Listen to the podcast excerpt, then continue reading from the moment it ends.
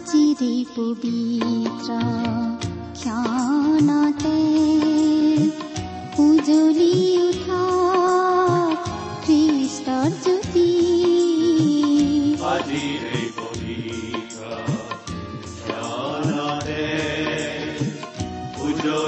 উঠা জ্যোতি আকাশ বতাহ মুখৰিত কৰি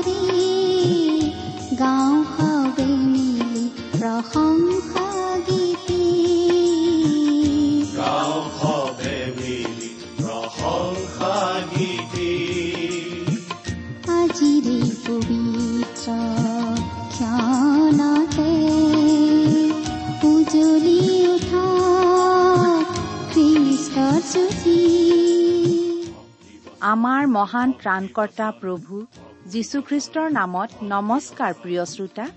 এয়া মুকলি কৰিবলৈ লৈছো বাইবেল অধ্যয়নৰ ধাৰাবাহিক অসমীয়া অনুষ্ঠান ভক্তি বচন।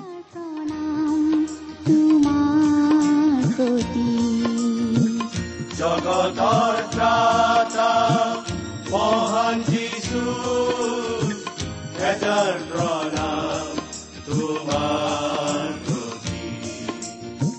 গ্ৰহণ কৰাই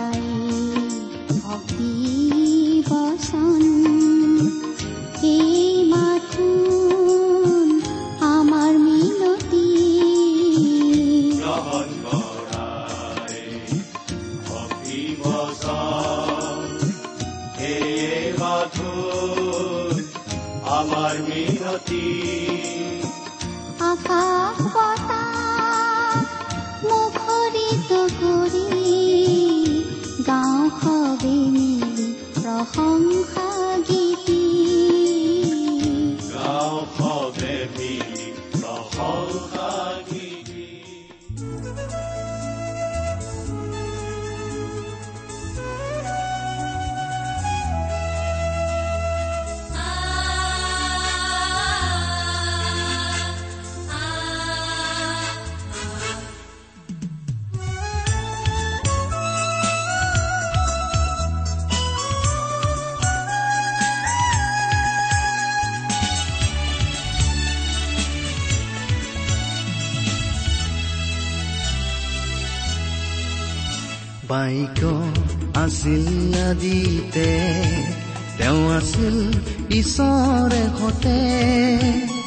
আৰু সেই বাইকই স্বয়ং তেওঁ আহিল যিচু ৰূপেৰে মানুহ উধাৰিবলে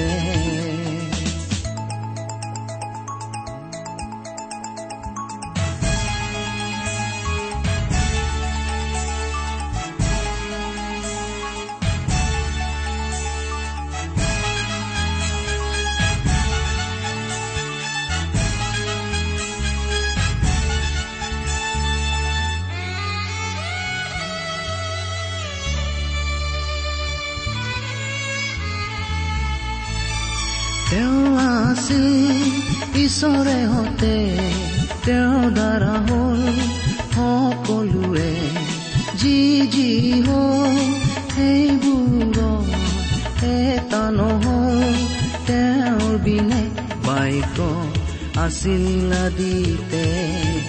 তেওঁ আছিল ঈশ্বৰে হতে।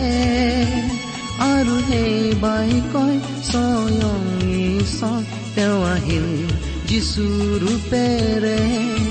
মানুহ উধাৰিবলে। আমাৰ পৰম পবিত্ৰ প্ৰভু যীশুখ্ৰীষ্টৰ নামত নমস্কাৰ প্ৰিয় শ্ৰোতা। আশা কৰো মহান পিতা পৰমেশ্বৰৰ মহান অনুগ্ৰহত আপুনি ভালে কুশলে আছে। আপুনি বাৰু আমাৰ এই ভক্তিবচন অনুষ্ঠানটো নিয়মিতভাৱে শুনি আছেনে?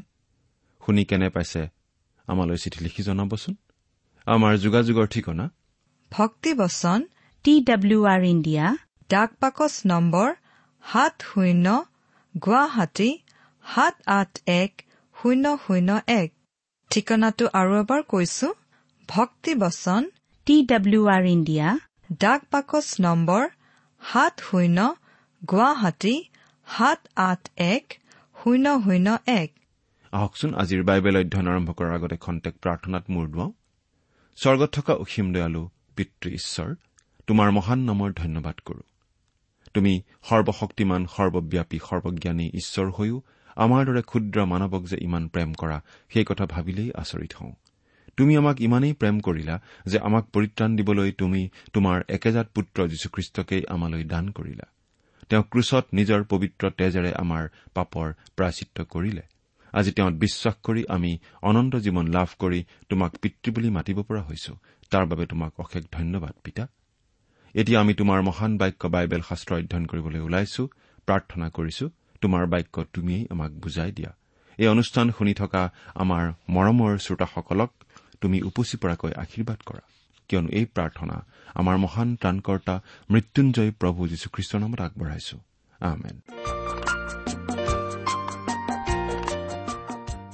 প্ৰিয় শ্ৰোতা আপুনি বাৰু আমাৰ এই ভক্তিবচন অনুষ্ঠানটো নিয়মিতভাৱে শুনি আছেনে?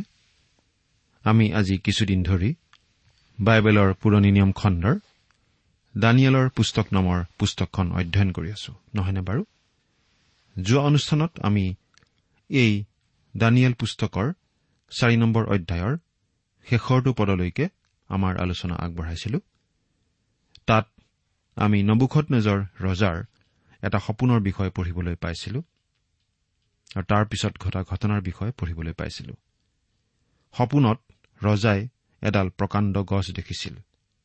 সেই গছডাল কটা হৈছিল কিন্তু মূঢ়াটো যত্ন কৰি ৰখা হৈছিল। সেই গছডালে আচলতে কি বুজায়? আৰু সেই গোটেই সপোনটোৰ অৰ্থনো কি? দানিয়েলে ৰজাক বুজাই দিছিল। কিন্তু সেই সপোনটো উৎসাহজনক সপোন নাছিল। সেই সপোনটো ফলিয়াইছিল আৰু সেই গছডাল অৰ্থাৎ নবুখত নেজৰ ৰজাৰ পতন হৈছিল। ৰজা মানসিকভাৱে বিকাৰগ্ৰস্ত হৈছিল। সকলো পাহৰি গৈছিল আৰু সাত বছৰ ধৰি বনৰীয়া জন্তুৰ দৰে ঘাঁহ খাই জীৱন কটাইছিল। কিন্তু পাছত আকৌ তেওঁ সকলো চিনি পাইছিল। ঈশ্বৰেই যে সকলোৰে গৰাকী ৰজা ভাঙোতা ৰজা পাতোতা সেই কথা নবুখত নেজৰে মানি লৈছিল।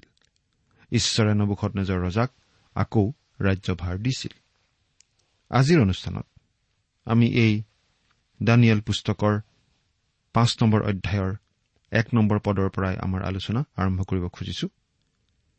এই পাঁচ নম্বৰ অধ্যায়ত আমি যিখিনি কথা পঢ়িবলৈ পাম সেই কথাখিনি চাৰি নম্বৰ অধ্যায়ত ঘটা ঘটনাতকৈ বহু বছৰ পাছত ঘটা ঘটনা। বহুতো ঘটনাই ইতিমধ্যে ঘটি গৈছিল কিন্তু এটা বিশেষ ঘটনা ইয়াত সন্নিৱিষ্ট কৰা হৈছে। এই ঘটনাটোৰ বিশেষ এটা গুৰুত্ব আছে কাৰণেই ঈশ্বৰে ঘটনাটো ইয়াত সন্নিৱিষ্ট কৰিছে। এতিয়া আমি বাইবেলৰ পৰা পাঠ কৰি যাম। অনুগ্ৰহ কৰি আপোনাৰ বাইবেলখন মেলি লৈ দানিয়েলৰ পুস্তক পাঁচ নম্বৰ অধ্যায়টো উলিয়াই লওকচোন। পাঁচ নম্বৰ অধ্যায়ৰ এক নম্বৰ পদ। এদিন বেলচছৰ ৰজাই তেওঁৰ এক হাজাৰ প্ৰধান লোকক এটা বৰ ভোজ দিলে আৰু সেই এক হাজাৰ লোকৰ সাক্ষাতে দ্ৰাক্ষাৰস পান কৰিলে। এতিয়া প্ৰশ্ন হ'ল এই বেলচছৰ ৰজানো কোন? আৰু তেওঁনো কেনেকৈ ৰজা হ'ল? ইয়াৰ আগৰটো অধ্যায়ত আমি পাইছিলো যে ৰজা আছিল নবুখত নেচৰৰ মৃত্যুৰ পাছত তেওঁৰ একমাত্ৰ পুত্ৰ মেৰুদক ৰজা পতা হ'ল। সেইটো আছিল খ্ৰীষ্টপূৰ্ব পাঁচশ এষষ্ঠি চনমানৰ কথা। এই মেৰুদক অতি কুপ্ৰকৃতিৰ ৰজা আছিল। তেওঁক আনুমানিক খ্ৰীষ্টপূৰ্ব পাঁচশ ঊনষাঠি চনত নেৰগাল চাৰেজৰ নামৰ লোক এজনে বধ কৰি নিজে ৰজা হৈছিল। এই নেৰগাল চাৰেজেৰ নবুখনেশ্বৰৰ জোঁৱায়েক আছিল। নেৰগাল চাৰেজাৰৰ পাছত তেওঁৰ কুমলীয়া বয়সৰ সন্তান এজন কেইমাহমানৰ বাবে ৰজা হৈছিল আৰু তেওঁক বধ কৰি নেবনিদাস ৰজা হৈছিল। এই নেবনিদাসো নবুখত নেচৰৰ জোঁৱায়েক আছিল। নেবনিদাসে প্ৰায়েই বিদেশত যুদ্ধ অভিযান চলাবলৈ গৈছিল আৰু বাবিলানৰ ৰাজকাৰ্য চোৱা চিতা কৰিছিল তেওঁৰ পুত্ৰ বেলচৰে আচলতে এই সকলো কথাই জিৰিমীয়া ভাৱবাদীৰ যোগেদি ঈশ্বৰে কোৱা কথাকেই ফলিয়াইছিল জিৰিমিয়া সাতাইছ নম্বৰ অধ্যায়ৰ ছয় আৰু সাত নম্বৰ পদত আমি এই বুলি পঢ়িবলৈ পাওঁ এই হেতুকে এতিয়া মই এই সকলো দেশ মোৰ দাস বাবিলৰ ৰজা নবুখত নেজৰৰ হাতত দিলো আৰু তেওঁৰ বন্দী কাম কৰিবৰ অৰ্থে বনৰ জন্তুবোৰকো মই তেওঁক দিলো। আৰু তেওঁৰ নিজ দেশৰ সময় নোহোৱালৈকে সকলো জাতিয়ে তেওঁৰ তেওঁৰ পুতেকৰ আৰু তেওঁৰ নাতিয়েকৰ বন্দী কাম কৰিব। সেই সময় হলে অনেক জাতি আৰু মহান ৰজাবিলাকে তেওঁক তেওঁবিলাকৰ বন্দী কাম কৰাব। আমি এনেদৰে পঢ়িবলৈ পালো যে বাবিলনৰ ৰাজ্যখন নবুখত নেজৰ তেওঁৰ এজন পুত্ৰ আৰু এজন নাতিয়েকলৈকে দৃষ্টি থাকিব। আৰু তাৰ পাছত বাবিলন সাম্ৰাজ্যৰ যি স্থান সেই স্থান নোহোৱা হ'ব। ইয়াত আমি পাওঁ বেলচছৰ ৰজাই এটা বৰ ভোজৰ আয়োজন কৰিছিল। তেওঁৰ এক হাজাৰ প্ৰধান লোকক মাতি আনি তেওঁ সেই ভোজৰ আয়োজন কৰিছিল। আৰু সেই এক হাজাৰ লোকৰ সন্মুখত তেওঁ দ্ৰাক্ষাৰস পান কৰিলে। সেই বৰ ভোজ চলি থকা সময়ত আচলতে মাদিয়া সেনাপতি গেব্ৰিয়াছে বাবিলন নগৰখন অৱৰোধ কৰি আছিল। বেলচছৰ ৰজাই কিন্তু শত্ৰুৰ সেই আক্ৰমণলৈ কেৰেপ কৰা নাছিল। বৰং বৰ ভোজৰ আয়োজন কৰি দ্ৰাক্ষাৰস পান কৰি মতলীয়া হৈ আছিল। হয়তো তেওঁ ভাবিছিল যে নগৰখন শত্ৰুৱে কেতিয়াও দখল কৰিব নোৱাৰে। নবুখত নেচৰে নগৰখন এনেদৰে নিৰ্মাণ কৰিছিল যে শত্ৰুৰ হাতত পৰাৰ অকণো ভয় নাছিল। নগৰখনৰ দেৱালবোৰ আছিল ইটাৰে বন্ধা। দেৱালবোৰ আছিল তিনিশ ফুট ওখ আৰু ইমান বহল আছিল যে চাৰিখন ৰথ সেই দেৱালৰ ওপৰেদি একেলগে চলিব পাৰিছিল। নগৰৰ ভিতৰত কেইবা বছৰো জোৰাওকৈ খোৱাবস্তু আৰু পানীৰ যোগান আছিল। আচলতে ইউফ্ৰেটিছ নদীৰ পৰা খাল খান্দি অনা পানী নগৰখনৰ মাজেৰে বোৱাই নিয়া হৈছিল। জেনোফোন নামৰ গ্ৰীক বুৰঞ্জীবিদ এজনে লিখিছে যে আচলতে এই পানীৰ নলাটোৱেই বাবিলনৰ বিপদ মাতি আনিলে। বহুদিন ধৰি নগৰখন অৱৰোধ কৰি থকা মাদিয়া সৈন্যবোৰে সেই নলাৰ পানীখিনি বেলেগ পিনে বোৱাই নি আকৌ ইউফ্ৰেটিছ নদীতেই পেলাই দিছিল। অৰ্থাৎ সেই নলাটোৰ গতিপথ সলনি কৰি দিছিল।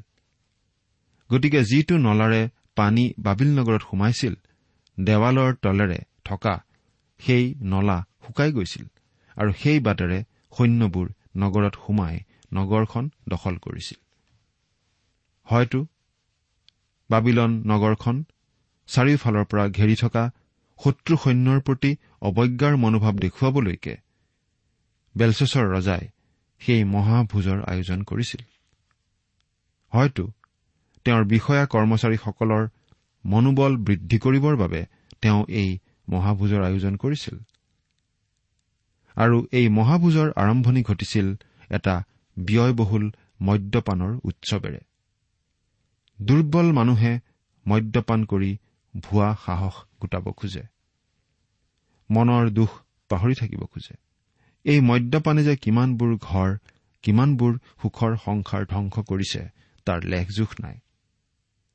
এই মদ্যপানৰ ফলস্বৰূপে দিনে দিনে কিমানবোৰ দুৰ্ঘটনা যে সংঘটিত হয় তাৰো হয়তো আচল হিচাপ আমি দিব নোৱাৰো।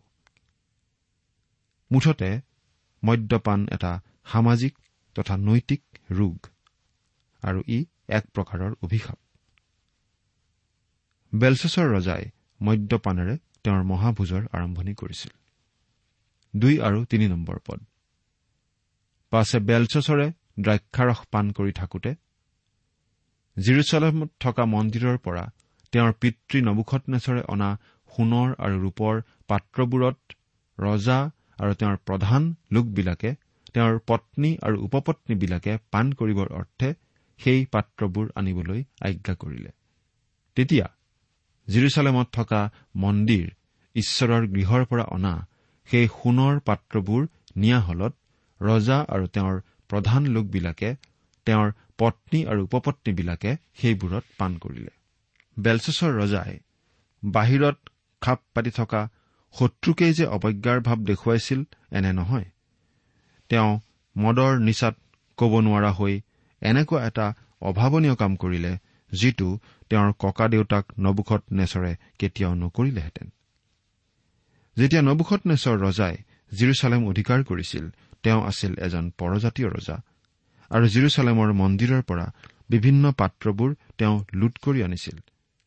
কিন্তু তেওঁ যেতিয়া ঈশ্বৰক চিনি পালে ঈশ্বৰৰ ভক্ত হ'ল তেতিয়া সেই পাত্ৰবোৰ ভালদৰে সযতনে ভঁৰালত তেওঁ ৰাখি থলে।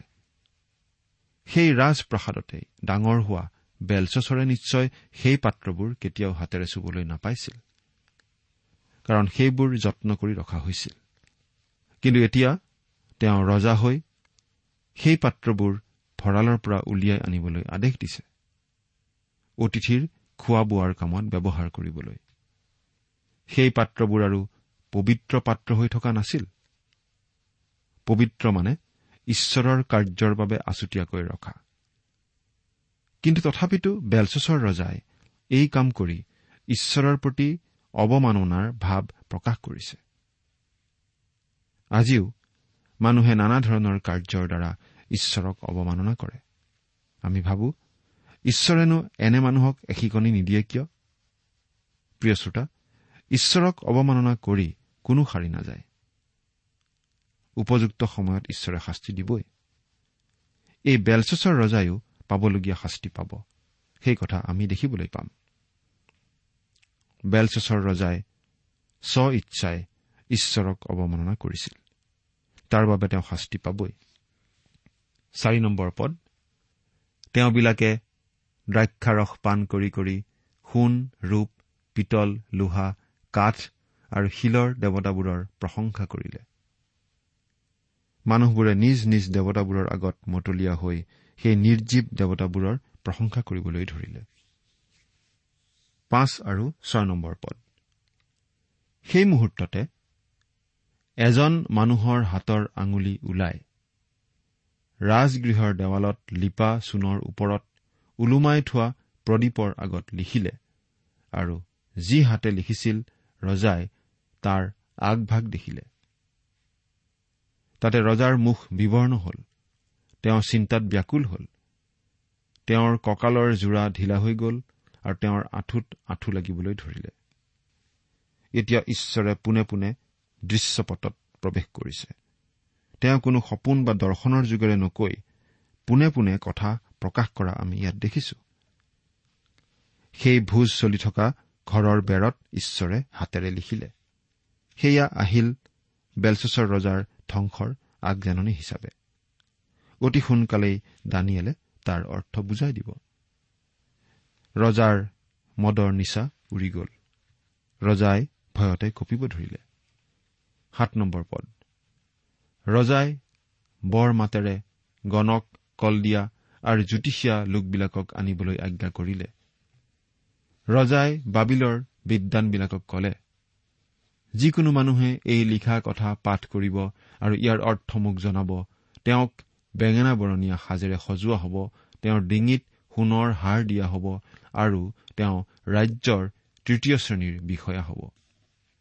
ৰজাই বিদ্বান পণ্ডিত জ্যোতিষী গণক আদিক মাতিলে আৰু যিয়েই সেই লিখাৰ অৰ্থ বুজাই দিব পাৰিব তেওঁক ৰজাই যথেষ্ট সন্মান দি তৃতীয় শ্ৰেণীৰ বিষয়া পতা হ'ব বুলি জনালে। আচলতে কিয় তৃতীয় শ্ৰেণীৰ বিষয়া বুলি কোৱা হৈছে বাৰু? বেলচছৰ আচলতে ৰজা নাছিল। ৰজা আছিল তেওঁৰ পিতৃ নেবনিদাস। গতিকে বেলচছৰ ওপৰত এজন আছিল। গতিকে বেলচছৰৰ তলত কাম কৰাজন হ'ব তৃতীয় শ্ৰেণীৰ বিষয়া। আঠ আৰু ন নম্বৰ পদ।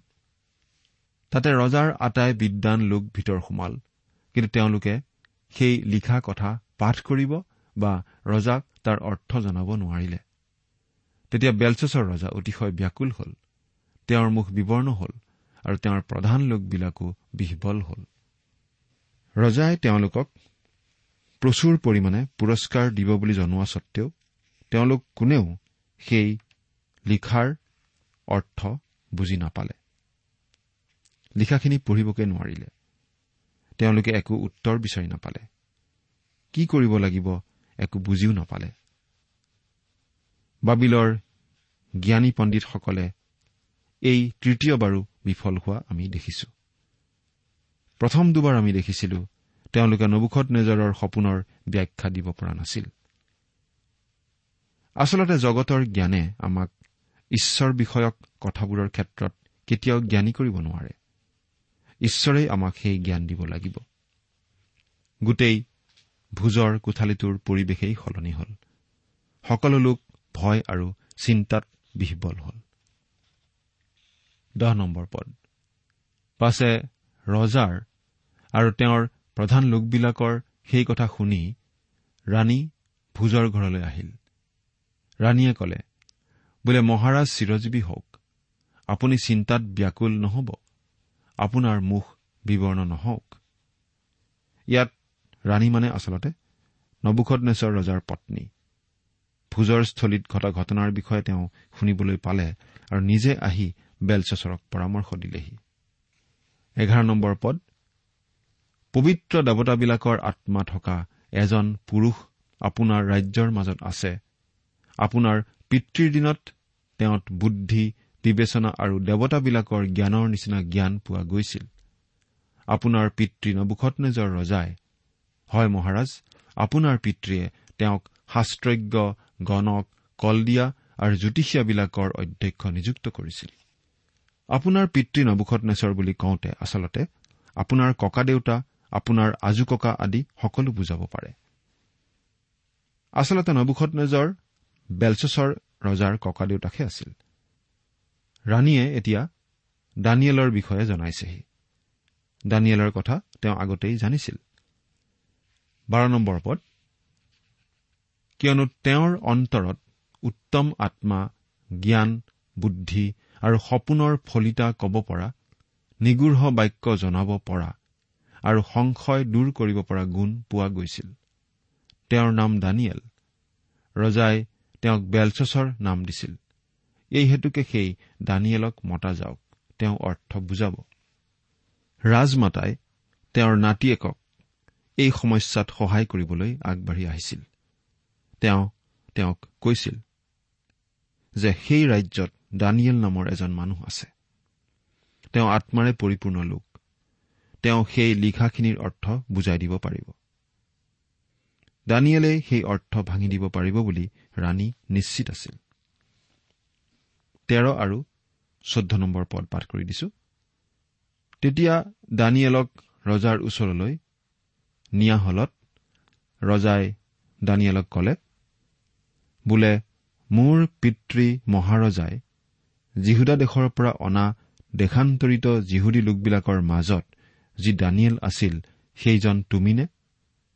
তোমাৰ বিষয়ে মই শুনিছো যে তোমাৰ অন্তৰত দেৱতাবিলাকৰ আত্মা আছে আৰু তোমাত বুদ্ধি বিবেচনা আৰু উত্তম জ্ঞান পোৱা যায়। দানিয়েলক ৰজাৰ ওচৰলৈ লৈ অনা হ'ল। ইমান দিনে বেলচচৰে দানিয়েলক চিনিয়েই পোৱা নাছিল। ৰজা সলনি হলে বিষয়াও সলনি হয়। কিন্তু গুণীজন কেতিয়াবা নহয় কেতিয়াবা আকৌ উচ্চ স্থানলৈ আহিবই। দানিয়েলৰ লগত ঈশ্বৰৰ আত্মা আছিল। গতিকে দানিয়েলৰ উন্নতি কোনেও বন্ধ কৰিব নোৱাৰে। এতিয়া দানিয়েলৰ আগত ঈশ্বৰে এই বিশেষ সুযোগ মুকলি কৰি দিয়া আমি দেখিবলৈ পাইছো। পোন্ধৰ আৰু ষোল্ল নম্বৰ পদ পাঠ কৰি দিম। সম্প্ৰতি এই লিখা কথা পাঠ কৰিবলৈ আৰু ইয়াৰ অৰ্থ মোক বুজাবলৈ বিদ্বান আৰু গণকবিলাকক মোৰ গুৰিলৈ অনা হল। তেওঁবিলাকে কথাখিনিৰ অৰ্থ মোক বুজাব নোৱাৰিলে। কিন্তু মই তোমাৰ বিষয়ে শুনিছো যে তুমি অৰ্থ বুজাব পাৰা আৰু সংশয় দূৰ কৰিব পাৰা। এতিয়া তুমি যদি এই লিখা কথা পাঠ কৰিব আৰু ইয়াৰ অৰ্থ মোক বুজাব পাৰা তেন্তে তোমাক বেঙেনা বৰণীয়া সাজেৰে সজোৱা হ'ব তোমাৰ ডিঙিত সোণৰ হাৰ দিয়া হ'ব আৰু তুমি ৰাজ্যৰ তৃতীয় শ্ৰেণীৰ বিষয়া হবা। বেলচৰে দানিয়েলক প্ৰথমতেই তোষামোদ কৰিছে। অৰ্থ ব্যাখ্যা কৰি দিলে পুৰস্কাৰ দিব বুলিও ঘোষণা কৰিছে। তেতিয়া দানিয়েলে ৰজাৰ আগত উত্তৰ দি কলে আপোনাৰ বঁটা আপোনালৈ থাকক আৰু আপোনাৰ পুৰস্কাৰ অন্যক দিয়ক। তথাপি মই মহাৰাজৰ আগত এই লিখা কথা পাঠ কৰিম আৰু ইয়াৰ অৰ্থ মহাৰাজক বুজাম। সেই পুৰস্কাৰ নালাগে বুলি দানিয়েলে জনাই দিলে। আচলতে তেওঁ সেই বেলচছৰ ৰজাক অলপো শ্ৰদ্ধা নকৰিছিল। আমি ভাবো যদিহে ৰজাজন ইমান ভয় খাই নাথাকিলেহেঁতেন তেনেহলে তেওঁ সেই অপমান নিশ্চয় সহ্য নকৰিলেহেঁতেন। অৱশ্যে দানিয়েলক সেই পুৰস্কাৰ বা উপহাৰ দিবলৈ যে তেওঁ খুজিছিল সেইবোৰৰনো দানিয়েলৰ কি প্ৰয়োজন? সেই উপহাৰ তেওঁ মাত্ৰ কেইঘণ্টামানৰ বাবেহে পালেহেঁতেন কাৰণ বিপদ আহি দুৱাৰমুখ পাইছিলহি। দানিয়েলে বেৰত লিখা সেই আখৰৰ ব্যাখ্যা আগবঢ়োৱাৰ আগতে এই ডেকা ৰজাজনক এটা উপদেশ বাৰ্তা দিলে আৰু বেলচৰে নিশ্চয় তেনে ভাল উপদেশ আগতে কেতিয়াও শুনা নাছিল। নবুখত নেজৰ ৰজাৰ আগলৈ আনোতে দানিয়েল আছিল ডেকা কিন্তু এতিয়া তেওঁ বুঢ়া হৈছে। আৰু তেওঁ এতিয়া এজন ডেকা ৰজাৰ আগত থিয় হৈছে। গতিকে তেওঁ অতি গহীনভাৱে দৃঢ়তাৰে কি কৈছে মন কৰকচোন? ওঠৰ আৰু ঊনৈশ নম্বৰ পদ পঢ়ি দিছো। হে মহাৰাজ সৰ্বোপৰি ঈশ্বৰে আপোনাৰ পিতৃ নবুখনেশ্বৰক ৰাজ্য মহিমা মৰ্যাদা আৰু ৰাজশ্ৰী দিছিল। ঈশ্বৰে তেওঁক দিয়া মহিমাৰ কাৰণে সকলো জাতিৰ দেশৰ আৰু ভাষাৰ লোকবিলাকে তেওঁৰ সাক্ষাতে কঁপিয়াছিল আৰু ভয় কৰিছিল। তেওঁ নিজ ইচ্ছাৰে কোনোক বধ কৰিছিল নিজ ইচ্ছাৰে কোনোবাক জীয়াই ৰাখিছিল আৰু নিজ ইচ্ছাৰে কোনোক উন্নত কৰিছিল নিজ ইচ্ছাৰে কোনোক নত কৰিছিল। নবুখনেশ্বৰ বিশ্ব সম্ৰাট আছিল সৰ্বময় কৰ্তা আছিল। আমি ভাবো তেওঁৰ নিচিনা শাসক আৰু কোনো ওলোৱা নাই আৰু ভৱিষ্যতে খ্ৰীষ্টাৰী নহালৈকে কোনো নোলাবও। বেলচৰক দানিয়েলে জনাই দিছে ঈশ্বৰে বেলচৰৰ ককাদেউতাক নবুখনেশ্বৰৰ লগত কেনে ব্যৱহাৰ কৰিছিল? কেনেদৰে তেওঁক বিশ্ব সম্ৰাট কৰি তুলিছিল? প্ৰিয় শ্ৰোতা আজিলৈ আমি ইমানতে সামৰিছো। পৰৱৰ্তী অনুষ্ঠানত আপোনাক লগ পোৱাৰ আশাৰে বিদায় মাগিছো। ঈশ্বৰে আপোনাক আশীৰ্বাদ কৰক।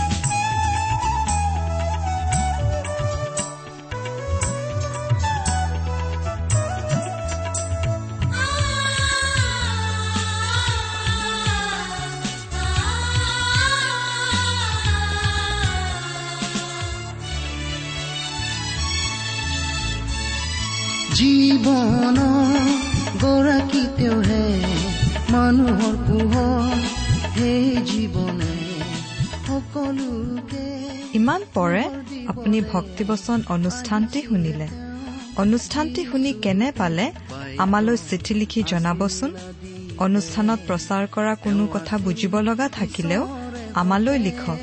আমাৰ ঠিকনা ভক্তিবচন টি ডাব্লিউ আৰ ইণ্ডিয়া ডাক পাকচ নম্বৰ সাত শূন্য গুৱাহাটী সাত আঠ এক শূন্য শূন্য এক।